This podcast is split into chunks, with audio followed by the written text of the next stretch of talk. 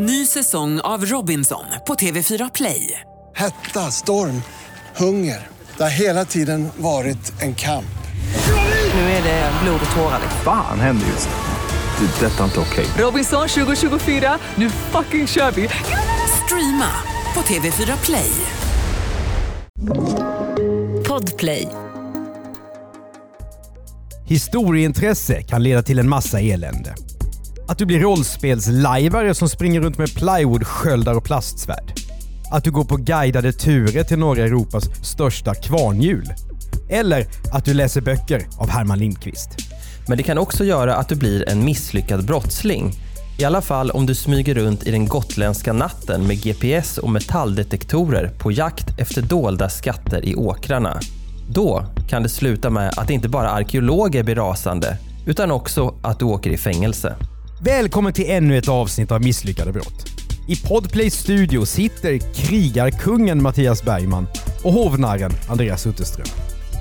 Ja, bilder man fick Ja. av den.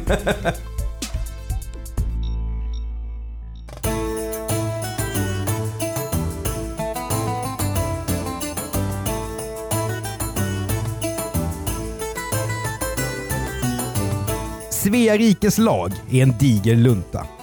Den är fylld av lagtext som gäller allt från skatterätt till vad som är skillnaden mellan misshandel och grov misshandel. Men här finns också brott som du kanske aldrig hört talas om förut. Eller som vi i varje fall sällan berättar om i den här podden. För nu ska vi prata om något så ovanligt som fornminnesbrott. Och vad är då detta? Jo, låt oss ha en liten snabbkurs i juridik, vilket vi ska ha eftersom det är Andreas Utterström som skrivit det här manuset. Jajamän, wannabe-juristen slår till. Kan du prata lite grann om fornminneslagstiftningen då? Det kan jag. Och den finns för att, som det heter, skydda Sveriges arkeologiska kulturarv. Och vad det betyder rent konkret är att till exempel om man vill bygga något ute på ett fält så måste man först kolla med Länsstyrelsen om det kan finnas gamla fornlämningar i jorden. Eh, Men sen måste man också som medborgare vara försiktig om det finns sånt här i närheten.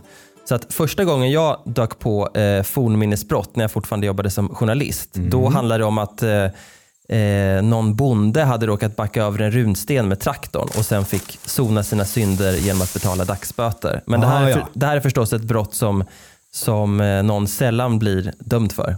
Just det. Det är ett tre solar-brott känns det som. Ja, det kan man alltså, säga. Det är ett- åkrar och... Ett brott som handlar om att man måste vara försiktig om det kan finnas gamla saker som vi äger gemensamt i närheten. Så kan man väl säga. Hur många lagförs för det här brottet tror du? På ett år? Ja, väldigt få. Jag skulle gissa på att det är några, några få om året Mm. och, och att det då är sådana här, någon har grävt någonting, alltså någon vill bygga ut sitt hus och har inte kollat olika saker eller bygga någon lada eller någonting och sen så upptäcker man att där låg det några gamla krucifix Mm. eller någonting och då kommer man dit. Det här måste ju vara det som har inspirerat Lasse Åberg när han gjorde filmen Den ofrivillige golfaren. För där ska de ju bygga ut golfbanan men Claes Månssons eh, ant- riksantikvarie eller vad han är, är ju där och letar mynt för att han ska stoppa det här bygget.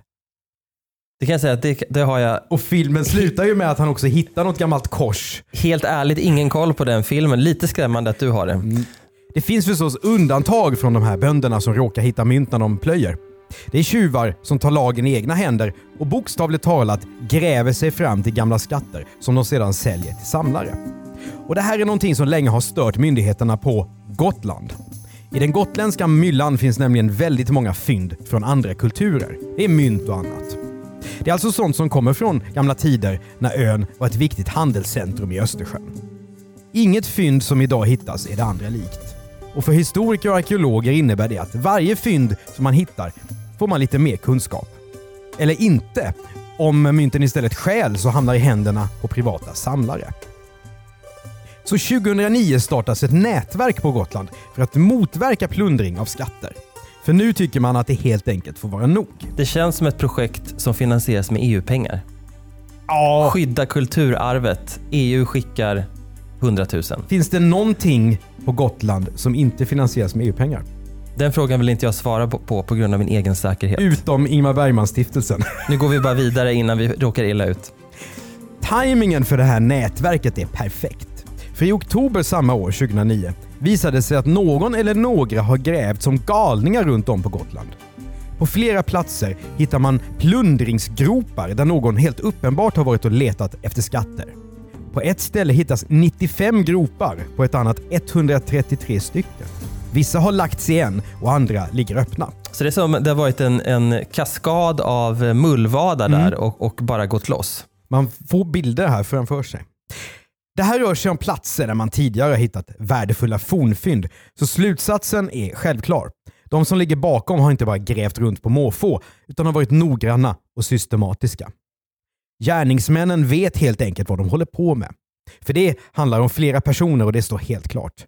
Man ser nämligen fotavtryck från flera olika gärningsmän. Och att gräva alla de här groparna på egen hand är praktiskt taget omöjligt. De måste ju varit där på natten. Eller ligger det offside som man har kört på dagarna också tror du? Det ligger väldigt ensligt, men eh, skulle du vilja gå ut på en åker och gräva på en bondesmark på dagen? Alltså då, då tror jag att det kan bli... Jag skulle inte vilja göra det någon det tid skulle, på det dygnet. skulle kunna bli ett lyckat brott tror jag. Från bondens sida. Nu drar polisen igång en förundersökning om misstänkt fornminnesbrott. Det måste ju vara väldigt sexigt till och med för dem. Vi kommer till det att man märker att polisen eh, på Gotland sen verkligen går igång på det här. Men Mm. det, det kommer historien att visa. Nej, det är ju väldigt ovanligt. Ingen har dömts för det här i Gotlands tingsrätt sedan 1991 vid den här tiden. Alltså på 18 år har noll lagförts. Ja, och det säger någonting då att om, om inte ens på Gotland så, Mm. så har någon dömts då sedan 91. Efter att Länsstyrelsens experter själva har grävt runt på de olika brottsplatserna så hittas mängder av silvermynt och annat. Utifrån dem görs beräkningar över hur mycket tjuvarna kan ha kommit över och vad det skulle vara värt. Till en början uppskattas värdet på allt som försvunnit till ungefär en halv miljon kronor. Senare visade det sig att värdet är åtminstone det dubbla. Är det i 2009 års penningvärde eller dagens? Den här gången har jag gjort ett undantag och inte räknat om. Utredningen går dock trögt. Det finns inga bra spår efter plundrarna. Spanare sitter om nätterna och fryser vid gotländska åkrar i hopp om att ta tjuvarna på bar gärning, men de kommer aldrig tillbaka. Men nu får polisen tur. För den 2 november 2009 får utredarna tips om att det finns några misstänkta dyrgripar till salu på nätet. Det handlar både om silverföremål och delar av ett krucifix som en expert känner igen och kan knyta till en av platserna på Gotland där gärningsmännen varit framme med sina spadar. Utredarna lyckas spåra annonsören. Det görs en husrannsakan och där hittar man mycket riktigt krucifixet. Och här blir det ju Jönssonligan på Mallorca-varning. Men det blir- Krucifix alltså, Men det är ju det- sexigt. Det blir också nu eh, lite pusseldeckare. För Mm. det kommer du alldeles snart till. Ny säsong av Robinson på TV4 Play.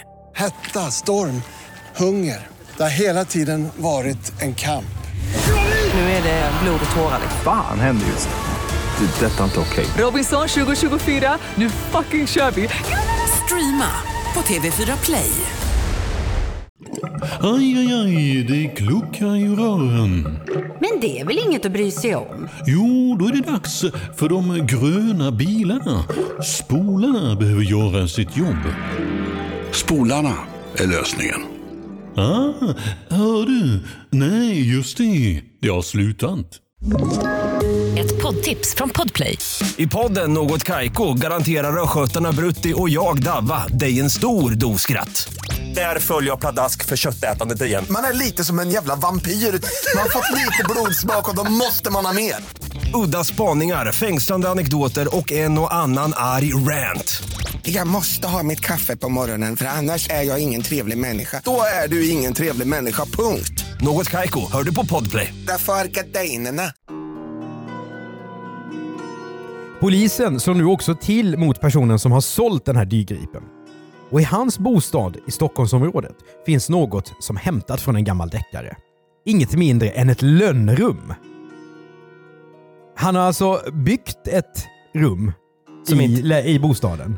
Precis så. Och några detaljer om det har jag inte hittat, men, men man kan ju fantisera om att man måste liksom eh, öppna bokhyllan för att Ja. gå in i det här hemliga rummet. Det här är ju, ja, det, är när, det börjar närma sig Sherlock Holmes nu.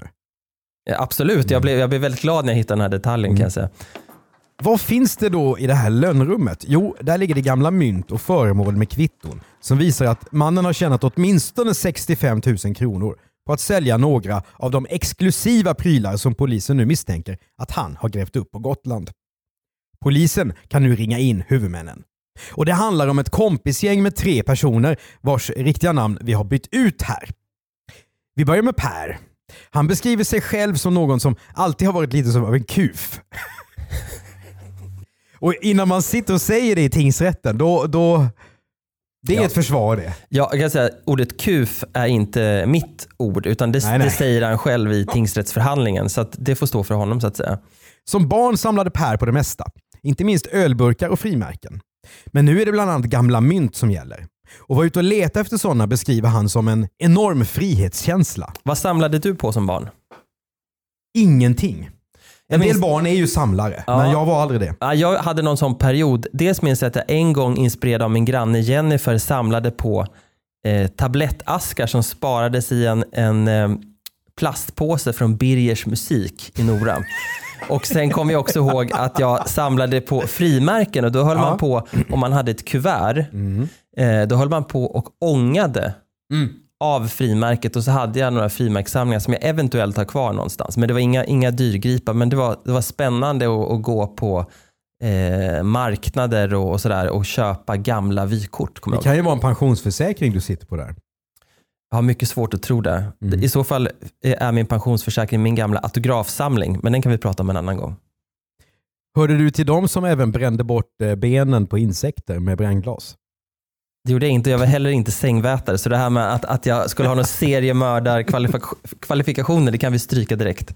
När Per beskriver sig så här, den här kufen och han gillar att samla på saker, är det för att han vill friskriva sig från att han skulle ha sålt sakerna för att tjäna pengar?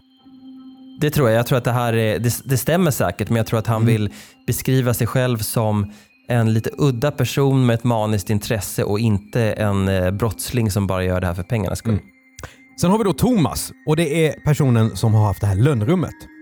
Han och Per känner varandra sedan de var barn. Thomas är historiskt intresserad och på sin fritid kartlägger han gamla boplatser på Gotland. Vilket är helt lagligt. Det får man göra. Eh, frågan är ju... Vad man gör med informationen så att Ja, säga. och sin tid. Thomas samlar också på mynt sedan många år. Men allt det påpekar han helt enligt regelboken. Mattias, ska vi göra en liten utvikning här och prata om dokumentärserien Guldfeber som har gått på SVT. Som alltså, Stark rek. som alltså handlar om en väldigt högt uppsatt person på myntkabinettet som, som stal en massa mynt. Ja, den är fantastisk. Inte minst för att skildringen av den här eh, brottslingen är ju otrolig. Och dessutom alla Blir som... han dömd förresten? Nu kallar jag honom för brottsling. Ja, han blir dömd och han blir av med jobbet och Han förlorar ju allt. hans liv blir ju misär. Och han medverkar i den här serien märkligt nog. Och det som är spännande är ju hela den här världen. Där kan man verkligen snacka om subkultur. En egen liten värld som har sina egna begrepp och det finns hemliga ordnar som har liksom saker inlåsta i, i stora, eh, bakom dörrar som man måste ha två stora nycklar till. Mm. Och, och det är som en egen värld i världen det här. Som tycks bara bestå av män för övrigt. Födda o- typ på 30 och 40-talet. Ja, det är en, det är en, jag skulle vilja, eh, det är ju slitet, men jag skulle säga att det här är en ganska unik film med tanke på de här personerna de har intervjuat, att de ens existerar, de här människorna. Väldigt excentriska, eh, har det gott ställt, pratar om sina eh, sportbilar som var brudmagneter Ja. för 50 år sedan. Och, ja, de är otroliga. Att få dem att tala är också ett starkt jobb i sig tycker jag. Stark rekommendation på Guldfeber på SVT Play. Och det säger någonting om den här världen som Thomas, då, den andra i det här gänget, befinner sig i. Den tredje personen i gänget heter Tim. Eller vi kallar honom för Tim. Han är också intresserad av historia och berättar att han håller på med ett bokprojekt om gamla skatter. Också lagligt. Såklart. Allt det material och den utrustning som polisen hittar hemma hos Tim har därför enligt honom med boken att göra. Här är vi ju inne på det gamla kapitlet om bortförklaringar i rätten. Just det, och det är ju också en egen eh, genre kan man säga. Men här märker man då att det här är tre stycken personer som säger att vi är ett kompisgäng som har det här intresset och eh, eh, eventuellt så har vi varit ute och grävt lite men vi har inte begått något brott. Man får ju vara hur idealistisk man vill, men när man ska sälja de, de här skatterna sen, det är ju då det blir problem. Exakt. Nu erkänner de tre att de faktiskt har varit på Gotland under hösten 2009. Men inte för att plundra marken på skatter, utan för att göra något helt annat. Att ägna sig åt ett gemensamt intresse som eh, har inte någonting med historia att göra. Nämligen Rubiks kub. Den ungerska 9x9 färgade plastkuben som generationer av nördar har försökt att lösa ut på kortast möjliga tid. Trion berättar att de har haft ett Rubiks kub-träningsläger på Gotland tillsammans. Det må vara en sysselsättning som många tycker är väldigt trist. Men olagligt är det inte. Rubiks kub då Mattias, du, har, du har ju lite Rubiks kub-aura tycker jag. Nå, nå, någon som så här, skulle, skulle kunna som barn varit besatt av att kunna lösa en Rubiks kub på under 15 sekunder. Jag vet att min pappa hade en jättefin, ganska stor var den. Som han visade vad poängen är då att så här. Men jag minns att jag, jag var kanske 8-9 år och jag hade ju inget tålamod för någonting redan då.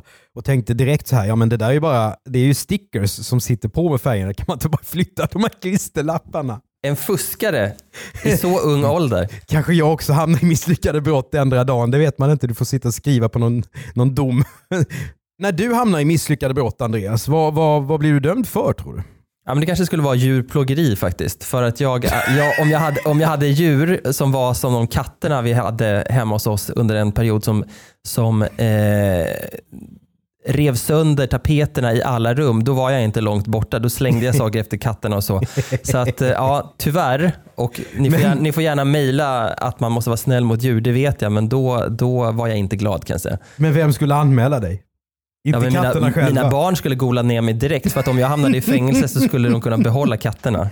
Så att, eh, ja, Det vi- finns en liten seriemördarprofil i det ändå. Ja, tydligen. tydligen. Låt oss återvända till tingsrätten på Gotland. Och nu finns det en hel del som talar för att kompisgänget med Per, Thomas och Tim inte bara har sysslat med det här färgglada tredimensionella pusslet Rubiks kub, utan faktiskt också ägnat sig åt brottslig verksamhet. Enligt polisen har de tre i olika kombinationer begått fornminnesbrott under hösten 2009. De ska på flera gotländska åkrar ha grävt upp mängder av silvermynt, smycken och annat. På ett ställe har de enligt domen grävt upp så många som 1200 föremål i form av forntida silvermynt, bitsilver och smycken. Dessutom en del av ett krucifix från vikingatiden. Alltså det som gjorde att polisen kom dem på spåren. Värdet från en av grävräderna är mellan 700 000 och 1,2 miljoner kronor. Ganska bra dagsverken då. Varför grävde medeltida svenskar ner sina skatter? Jag antar att man gjorde det när man begravde folk. Efter, vi, man, pratar, vi pratar om en tid där de inte hade mat för dagen. Tandvården var bedrövlig. De dog när de var 35 år gamla.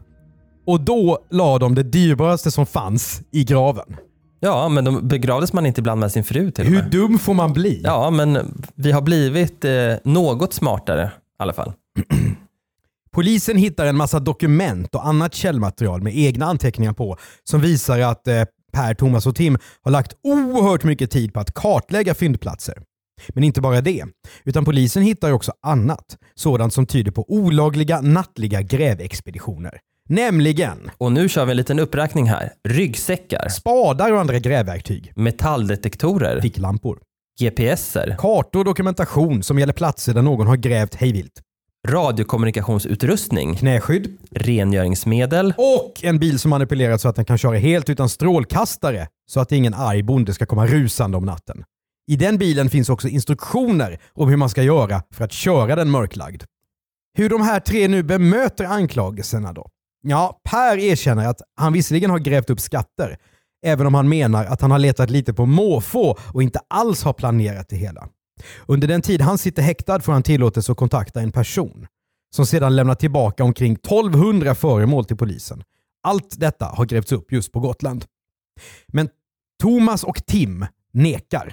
De menar att de bara är historienördar som gillar att vara ute och röra sig lite grann nattetid. Men man får väl inte ens gräva upp de här sakerna egentligen? Det ska väl Länsstyrelsen hålla på med? Ja, men det blir såklart allvarligare när det är sålt. De tre killarna har nu också en oerhört taggad gotländsk polismakt emot sig. För den här utredningen satsas det stort på. Precis som du var inne på i början, att här, De har gått igång. här ser man eh, att de verkligen eh, kör på. Gasen i botten. Ja, för förundersökningen är över 1000 sidor. Det är ganska mycket kan vi säga för ett så här pass eh, inte så omfattande brott. Det är större än vissa mordutredningar. Å andra sidan är det ju så att, att det är ju inte hur allvarligt brottet är som, som eh, styr Nej, hur, hur stor utredningen blir. För ett, ett väldigt grovt brott kan det vara så att det finns jättemycket bevis och någon erkänner. Då kan ju domen vara på tio sidor och så får någon ganska hårt straff. Men här är Det det, hänger ju... ju på eh, mycket tekniskt material Ja. och vittnesförhör och så. Ja, som- de nekar ju också. Så då är det ju då sida upp och sida ner med telefontrafik, kvitton kvitton, banktransaktioner, biljettbokningar, DNA-analyser, fingeravtryck och sen också då dokument som man har hittat i deras datorer. En klassiker. Jajamän. Ja, för de har ordning och reda på gamla mynt, men i sina egna datorer kan de inte sopa igen spåren. Nej, de är, inte, de är inga IT-genier. Eller så trodde de helt enkelt att det här skulle bli ett lyckat brott. Som så ofta. Rättegången den blir också omfattande. Den ena experten avlöser den andra.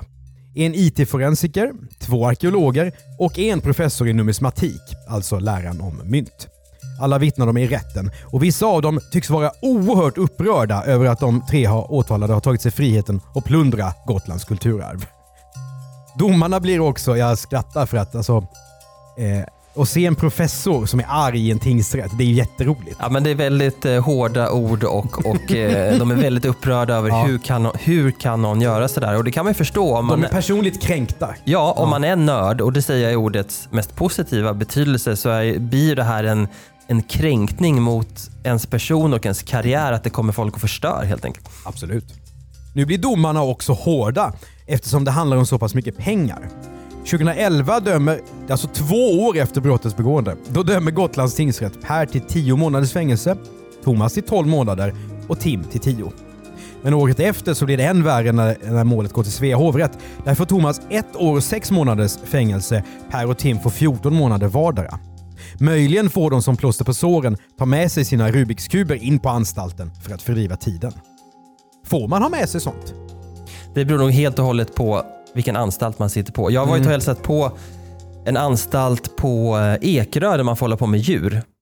Jaha, D- där är det men hur... det, då åker du ju inte dit för våldsbrott. Alltså, nej, nej, det eller så ska du slussas ut. Men det här Ja. är ju, man bedömer ju också hur farliga de är. De här killarna är ju liksom inga våldsverkare. Nej. Men där kan man rymma hur, hur lätt som helst. Men då är hela tiden hotet som hänger över dem på anstalten är att om du åker dit med eh, droger eller om du bråkar eller någonting, då skickar vi dig till en hårdare anstalt. Mm. Så där var det så att de här intagna var oerhört snälla mot djuren och det var också så att vid något tillfälle när någon hade rymt då för att någon hade ringt hem och så hade det varit en eh, en okänd man som hade svarat hemma hos frun till exempel.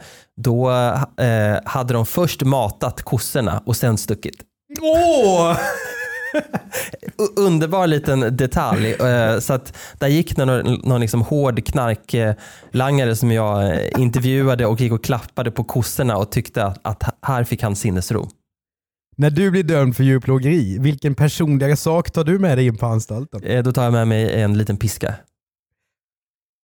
Ja, jag tror jag går vidare därifrån. Ja, gör det. Det här ovanliga fallet är något som uppenbarligen stannar kvar i minnet hos polis och åklagare på Gotland. För när det 2018 är dags för den gotländska deckarfestivalen Art Crime så är både polis och åklagare där och berättar om det här fallet. Gotlands Allehanda rapporterar att kriminalinspektör Mikael Åslund säger Något av det mest intressanta jag utrett. Man fick verkligen lägga pussel.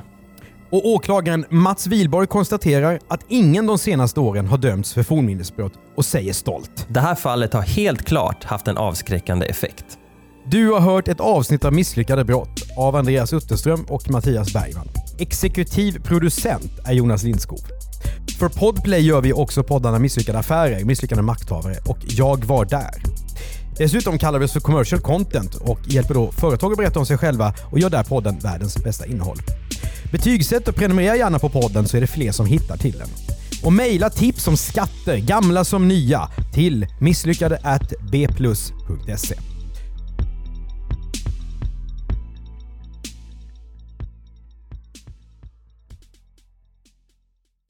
Ny säsong av Robinson på TV4 Play.